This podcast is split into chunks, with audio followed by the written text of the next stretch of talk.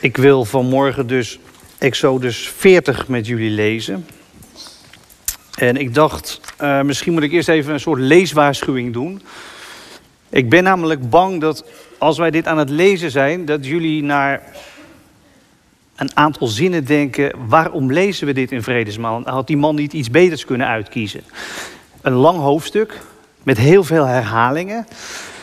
Uh, misschien denk je, wat super saai. Ik heb natuurlijk wel even overwogen om gewoon westers functioneel uh, stukken eruit te knippen en dat dan aan elkaar te lassen. Maar dat doen we niet. Dat doen we niet. Eh, de schrijver van dit hoofdstuk, die, die doet dat expres. Eh, je moet dit hoofdstuk eigenlijk zien als een soort uh, videootje, zou je kunnen zeggen. Al die herhaling die daarin zit, die is bedoeld als een soort bril waarmee je een virtual reality voor je geschoteld krijgt. Dus probeer eens eventjes in deze oude, oud-Oosterse verteltrand te komen. Doe desnoods uh, één oog dicht. Wordt het hier gebeamd, de lezing? Oh nee, dan moet je meelezen natuurlijk. Maar probeer, probeer of je het je voor, voor je kunt stellen, ja? wat, wat hier wordt verteld. Wat wordt er verteld? Um, er wordt verteld dat de tent die Mozes, de leider van de mensen van Israël, midden in de woestijn moest maken als ontmoetingsplek voor God en mensen, die tent is klaar. Dat, dat wordt hier verteld. En, en dan komt God. We gaan het lezen. Exodus 40. De Heer zei tegen Mozes: Op de eerste dag van de eerste maand moet je de tabernakel, de ontmoetingstent, opbouwen. Plaats de ark met de verbondstekst erin en scherm die af met het voorhangsel. Zet de tafel erin met de bijbehorende voorwerpen, ordelijk daarop geschikt. En ook de kandelaar waarvan je de lampen moet aansteken. Plaats het gouden reukofferaltaar voor de ark met de verbondtekst en hang het gordijn voor de ingang van de tabernakel. Het brandofferaltaar moet je voor de ingang van de tabernakel, de ontmoetingstent, zetten. En het wasbekken, gevuld met water, tussen de tent en het altaar. Scherm de ruimte rond de tabernakel af en hang een gordijn voor de ingang. Neem dan de zalfolie en zalf de tabernakel en alles wat erin staat, om de tabernakel met alle toebehoren te wijden, zodat hij heilig is. Zalf ook het brandofferaltaar met alle bijbehorende voorwerpen om het te wijden, zodat het allerheiligste is. Zalf en wijd ook het wasbekken en het onderstel. Laat dan Aaron en zijn zonen naar de ingang van de ontmoetingstent komen en reinig hem met water. Trek Aaron de heiligste kleding aan en zalf hem, zo heilig je hem om mij als priester te dienen. Ontbied zijn zonen, trek hun de tunieken aan en zalf hen, zoals je hun vader gezalfd hebt. Dan kunnen ook zij mij als priesters dienen. Door deze zalving wordt hun voor altijd, voor alle komende generaties, het priesterschap verleend. Mozes deed alles wat de Heer hem had opgedragen. In de eerste maand van het tweede jaar, op de eerste dag van de maand, werd de tabernakel opgebouwd. Mozes liet de voetstukken voor de tabernakel plaatsen. Hij liet de planken erin zetten, de dwarsbalken aanbrengen en de palen oprichten. Over de tabernakel werd de tweede tent gespannen en daaroverheen werden de buitenste tentkleden gelegd, zoals de Heer Mozes had opgedragen. Hij legde de verbondstekst in de ark bevestigde de draagbomen aan de ark en legde de verzoeningsplaat erop. Hij zette de ark in de tabernakel en hing ter afscherming van de ark met de verbondstekst het voorhangsel op, zoals de Heer hem had opgedragen. Hij zette de tafel aan de noordkant van de tabernakel, de ontmoetingstent, voor het voorhangsel en schikte daarop het brood ten overstaan van de Heer, zoals de Heer hem had opgedragen. De kandelaar zette hij aan de zuidkant van de tabernakel tegenover de tafel. En hij stak de lampen voor de Heer aan, zoals de Heer hem had opgedragen. Het gouden altaar zette hij voor het voorhangsel in de ontmoetingstent.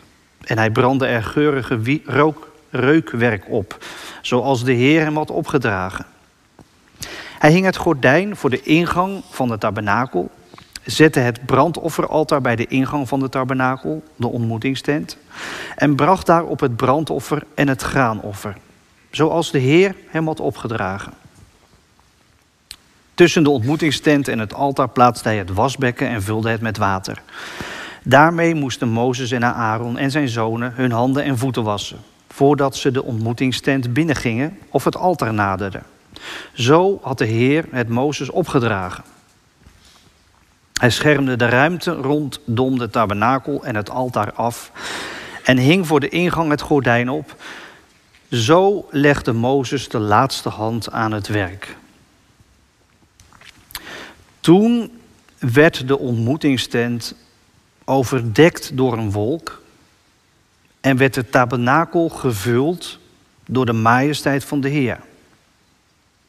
Mozes kon de ontmoetingstent niet meer binnengaan, want de wolk rustte daarop. En de majesteit van de Heer vulde de tabernakel. Zolang hun tocht duurde, trokken de Israëlieten pas verder wanneer de wolk zich van de tabernakel verhief. Wanneer de wolk niet opsteeg, trokken ze niet verder. Ze wachten tot de wolk weer opsteeg. Zolang hun tocht duurde, rustte overdag de wolk van de Heer op de tabernakel. En s'nachts verscheen er een vuur in, dat voor alle Israëlieten zichtbaar was. Tot zover de lezing uit het woord van God.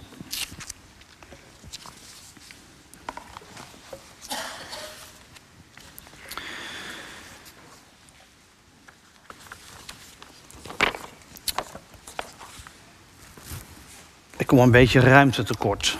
Eh, wij hebben thuis een hele grote uh, preekstoel, zeg maar, met zo'n balustrade, zeg maar, waar je allemaal dingen op kan leggen. Maar dit gaat ook hoor, dit gaat ook. Uh, gemeente van Jezus Christus, uh, in Exodus 40 ben je met de mensen van God bij de berg Sinaï. Misschien ken je die geschiedenis, misschien ook niet. Het zit zo, de mensen van God zaten ooit in Egypte, werden daar bedreigd met genocide. Een beetje zoals de Oeigoeren in China, zeg maar. Ze moesten ook dwangarbeid doen. En God had hen bevrijd uit Egypte en meegenomen op weg naar een nieuwe toekomst. En die weg naar de toekomst van God, die liep dwars door de woestijn. Met mooie oases, met barre streken. En zij, ze waren nomaden, die woonden in tenten, die telkens hun tent weer opbraken en weer verder trokken. Eigenlijk net zoals jouw en mijn levensreis naar Gods toekomst verloopt. Door mooie oases en door barre streken heen. Met feesten en crisismomenten, met prachtige prestaties, met schaamtevol falen. Je levensreis. En die mensen van God, die komen midden op hun reis, midden in de woestijn, dus aan bij de berg Sinaï. En daar ontmoeten ze God. Die verschijnt daar boven op die berg. In een soort vulkaanuitbarsting zou je kunnen zeggen. En God spreekt met hen en geeft ze aanwijzingen voor een goed leven, de tien geboden. Het was een bijzondere gebeurtenis. Um, maar ergens kun je ook zeggen, het, het paste wel bij hoe mensen in het oude Midden-Oosten dachten over God, goden. Goden woonden op een berg, eh, ver weg van het aardse gewoel en al die chaos van die mensen met hun oorlogen en ziekte en ellende, weet je. De, de goden woonden gewoon rustig op een berg en hadden geen last van al het gedoe van die mensen. Die leefden daar gewoon hun eigen gelukzalige leven. Maar de God van Israël is dus anders. Die komt van zijn berg af, om het zo te zeggen. En die heeft als ideaal eh, om te gaan wonen, midden tussen al die mensen, in een tentje. Net zoals die mensen wonen, in een tentje. De God van Israël is een God die met mensen meereist, midden in hun dagelijks bestaan. Ik weet niet uh, wat jij daarvan vindt. Uh, vind je dat een mooi idee of juist niet? Uh, een, een, God die, die in het centrum van je bestaan komt wonen. Waar jij woont en leeft en je dingen doet. God die gids is. die zijn ideeën heeft over de inrichting van jouw leven. En het ook niet altijd eens is met de koers die jij zelf uitzet. God in het midden van je bestaan? En misschien ben je iemand die, die op zoek is, die dat nog niet weet. Ik zou zeggen, zoek rustig verder. Of je zit in je tienerjaren, dan weet je het sowieso vaak nog niet. Zal ik blijven geloven of niet? God in het midden van mijn leven. Uh, daar kom je nogal achter, denk ik, dat dat mooi is. Dat hoop ik in elk geval. Maar stel dat je dat zou willen, hè, God als gids, God in het midden van mijn leven. Wat, wat vraagt God dan van je? Hoe ziet dat er een beetje uit? Nou ja, die, die mensen van God hadden dus daarvoor de tien geboden gekregen. En, en als je dat even heel kort en krachtig samenvat. Wat, wat vraagt van God van je? God vraagt van jou dat jij inziet dat jij niet God bent. Dat het dus niet allemaal om jou draait. En om jouw ideeën. En om jouw belangen. En om jouw imago. Maar dat Hij God is. En dat Hij je respect waard is en je verering. Dat Hij doorslaggevend is. Dat Zijn liefde vraagt om liefde terug van jou. En wat God ook van je vraagt is dat je zo leeft dat het de mensen om jou heen goed doet. Dat je niet ten koste leeft van anderen, maar dat je zo leeft dat anderen gaan bloeien. Dat, dat vraagt God van je. Even heel kort samengevat. En ik kan het je absoluut aanbevelen. Leven met God. Maar goed, als je denkt, ja, dat lijkt me mooi, dat wil ik ook wel. Eh, dat wil ik misschien al wel heel lang. God die met me meereist. God die in ons midden is. Uh, hoe komt het zover? Hoe kun je dat organiseren, dat, dat God dichtbij is en, en met je meegaat? Uh, ja, daar, daar zit eigenlijk wel een punt. dat gaat dus niet. In feite is, is die hele vraag al fout die ik stelde. Hoe kunnen we dat organiseren? Kijk, als je dat gaat proberen en doet alsof je God wel kunt organiseren, dan krijg je misschien een God die precies bij jouw denkbeelden past en bij jouw belangen en bij jouw behoeften. Een gouden kalf of zo. Een God die leverancier is van een bloeiend leven en die jou nu geeft wat jij nu nodig hebt op dit moment. Een God binnen handbereik die je gewoon met je mee kunt nemen, waar je niet op hoeft te wachten en te hopen. Een, een, makkelijke God, zal ik maar zeggen. Maar dat is niet God. Niet, niet God met een hoofdletter G. Gods aanwezigheid kun je niet organiseren. Wat je wel kunt doen is in je leven God proberen te ontlopen en bewust afstand nemen. Dat is in de geschiedenissen van die mensen van God ook heel duidelijk in hun reis door die woestijn. Als ze tegen God ingaan, dan ontstaat er een enorme afstand. Je kunt afstand nemen, dat kan. Wat je ook kunt doen, aan de andere kant, is je voorbereiden op de komst van God. En, en zorgvuldig doen wat hij van je vraagt. Dat is wat die mensen in dit hoofdstuk aan het doen zijn. Uh, na een, een enorme uh, uh, debakel van ongehoorzaamheid kregen ze een tweede kans. En, en nu bereiden ze zich voor. Misschien viel je ook op dat als een soort refrein op een gegeven moment de hele tijd kwam. Zoals God hen had opgedragen. En, en dat is niet voor niks. Eerder in dat boek deden ze het zoals zij hadden bedacht. En nu deden ze dus zoals God het had opgedragen. Bereiden ze zich zorgvuldig voor. En, en dat, ja, dat, dat kun jij ook doen. Dat kunnen wij allemaal doen. Zorgvuldig luisteren naar de aanwijzingen van God en je voorbereiden op een ontmoeting met God. God, God zoeken. En, en net als die mensen van Israël een plek afzonderen, een, een ruimte, fysiek of, of in de tijd, die je heilig verklaart. In, in dat hoofdstuk wordt, wordt alles ook heilig eh, gemaakt. Hè. Het wordt gezalfd en gewijd, een, heilige plek waar je God kunt ontmoeten. Ik denk dat uh, de Alpha-cursus, ik, ik, heb begrepen dat die hier uh, gegeven gaat worden binnenkort, die kun je daar ook heel goed voor gebruiken. Zeker als je zelf nog een beetje op zoek bent. Dat je zo'n cursus gebruikt als een soort heilige plek waar je, waar je God zoekt en, en, en hoopt dat, dat Hij daar komt. En als je iemand kent waarvan je denkt, nou die zou dat enorm goed doen, dan moet je gewoon vooral samen gaan naar zo'n cursus. Maar, maar vervolgens kun je als mens niet meer doen dan, dan, dan je voorbereiden. Op een, heilig moment, op een heilige plek. Eh, God woont bij mensen op zijn eigen initiatief.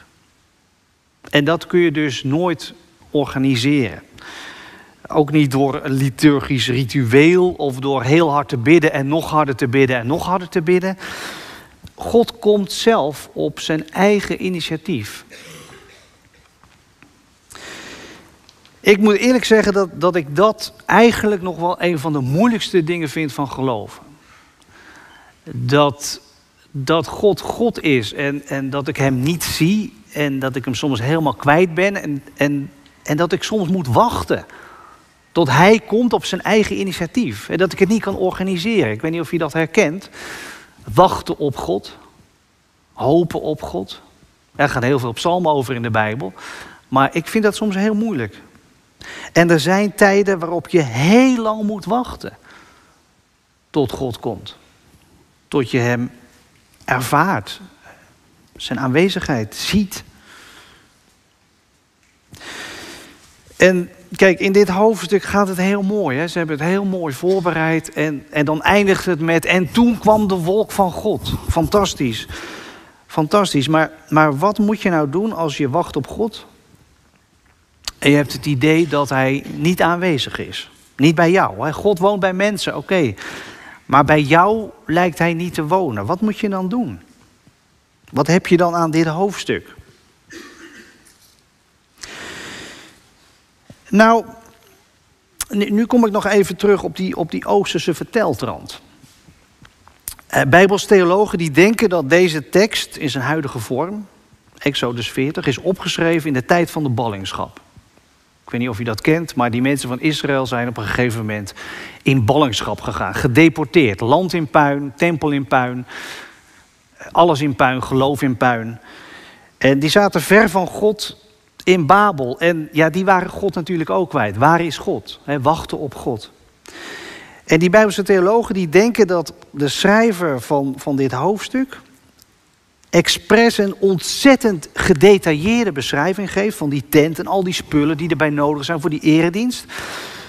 Uh, en dit is dan maar één hoofdstuk. Hiervoor zitten nog heel veel hoofdstukken waarin alles ook beschreven wordt. Al die dingen die nodig zijn. Bijna een derde van het Bijbelboek Exodus gaat over deze tent. En die Bijbelstheologen denken dat dat bedoeld is zoals ik net al zei, als een soort videootje, zeg maar. Als een, als een bril waarmee je, waarmee je iets ziet wat, wat je mist. De aanwezigheid van God, een, een tent waar God woont. Dat die mensen daar in ballingschap dus, dus hun ogen dicht deden en het hoorden voorlezen en die tent voor zich zagen en, en weer hoop kregen. God is een God die bij mensen woont. Weet je, dat dat geloof je wakker werd. Daar is dit waarschijnlijk voor bedoeld. Dit Oosterse verhaal met die Oosterse verteltrand. En misschien dat jij dat, dat idee van ballingschap ook wel herkenbaar vindt. Ehm, misschien omdat je letterlijk balling bent, je eigen land bent ontvlucht. Bij ons in Rotterdam liggen allemaal schepen met vluchtelingen uit Syrië en Jemen en Oekraïne en weet ik waar niet vandaan. Mensen in ballingschap, alles kwijt. Dan vraag je je ook, waar is God? Reist hij mee. Of je zit figuurlijk in ballingschap door, door psychische toestanden in je leven. Dingen die zwaar gaan of dingen die je geliefde overkomen. Weet je wel, dat soort situaties. Dat je je ontheemd voelt en eigenlijk niet meer goed weet waar het heen moet. En dat je denkt, waar, waar is God eigenlijk? Waar is God?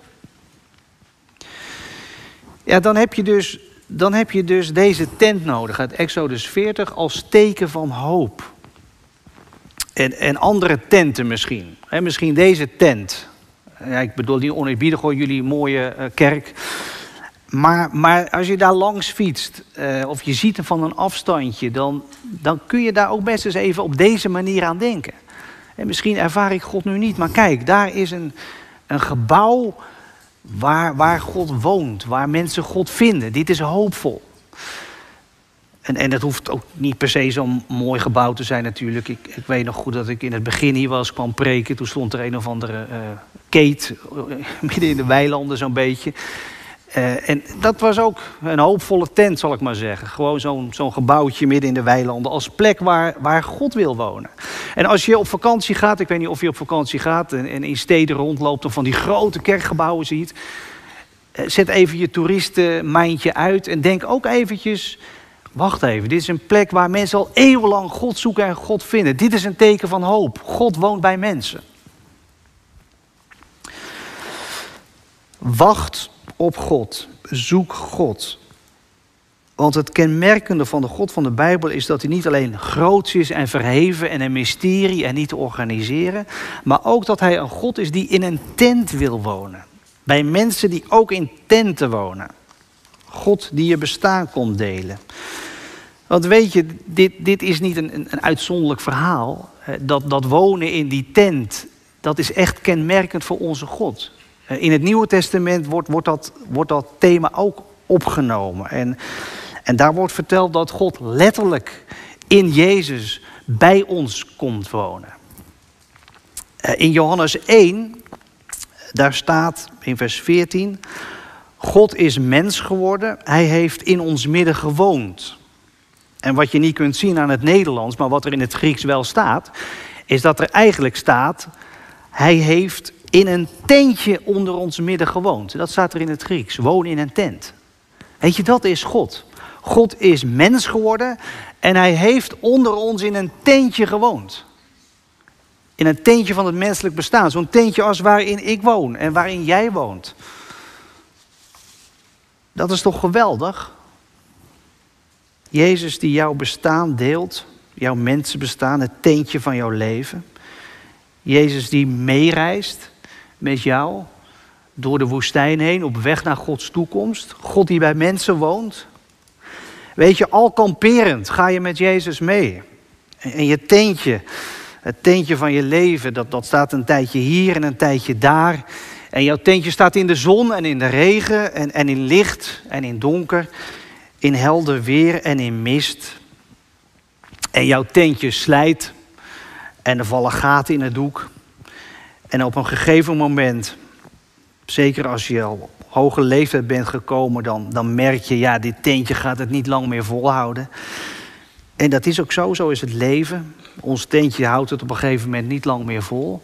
Maar God is mens geworden in Jezus en heeft in een tentje onder ons gewoond om ons hier op te halen en, en mee te nemen. Hij reist met je mee en op een gegeven moment zegt Jezus tegen jou, als de gaten in je tentdoek vallen en de tentstokken beginnen te knikken, dan zegt Jezus tegen jou: Ach, weet je, het is ook wel mooi geweest, toch? Met al dat kamperen. Kom op, we gaan naar huis, zegt Jezus dan. Naar het vaderhuis, om daar te wonen. En als je daar nog helemaal niet aan toe bent, omdat je tent nog stevig is en jong, ik zou zeggen: geniet van het leven, maar wees niet al te krampachtig. Wees niet al te bang dat je dingen misloopt misschien in het leven. Of dat je keuzes moet maken en dan dingen eh, niet kunt kiezen. Weet je, God is mens geworden en, en Jezus heeft in ons tentje gewoond. Dat betekent ook dat ons tentje ook niet het enige is wat er is. Eh, het laatste wat er is. Er is ook een vaderhuis, een toekomst van God. En, en daar zijn nog zoveel mogelijkheden van bestaan. Eindeloos. Eindeloos. Mag ik tot slot uh, van mijn preek nog één Bijbeltekst citeren, die ook gaat over God die in een tent woont. Ook hier zie je het in het Nederlands niet, maar in het Grieks staat het wel. Openbaring 21. Ik zag een nieuwe hemel en een nieuwe aarde, want de eerste hemel en de eerste aarde zijn voorbij en de zee is er niet meer. En ik hoorde een luide stem vanaf de troon die uitriep: Gods woonplaats, tent, staat er in het Grieks. Gods tent is onder de mensen. En hij zal bij hen wonen. Wonen in een tent, staat er in het Grieks. En hij zal bij hen wonen in een tent. En zij zullen zijn volken zijn. En God zelf zal als hun God bij hen zijn. En hij zal alle tranen uit hun ogen afwissen. En er zal geen dood meer zijn. En geen rouw en geen jammerklacht en geen pijn. Want wat er eerst was, is voorbij. Daar reizen wij naartoe, broeders en zusters. In ons tentje van vandaag. Naar een toekomst waarin God weer bij ons woont. Voor altijd. Amen.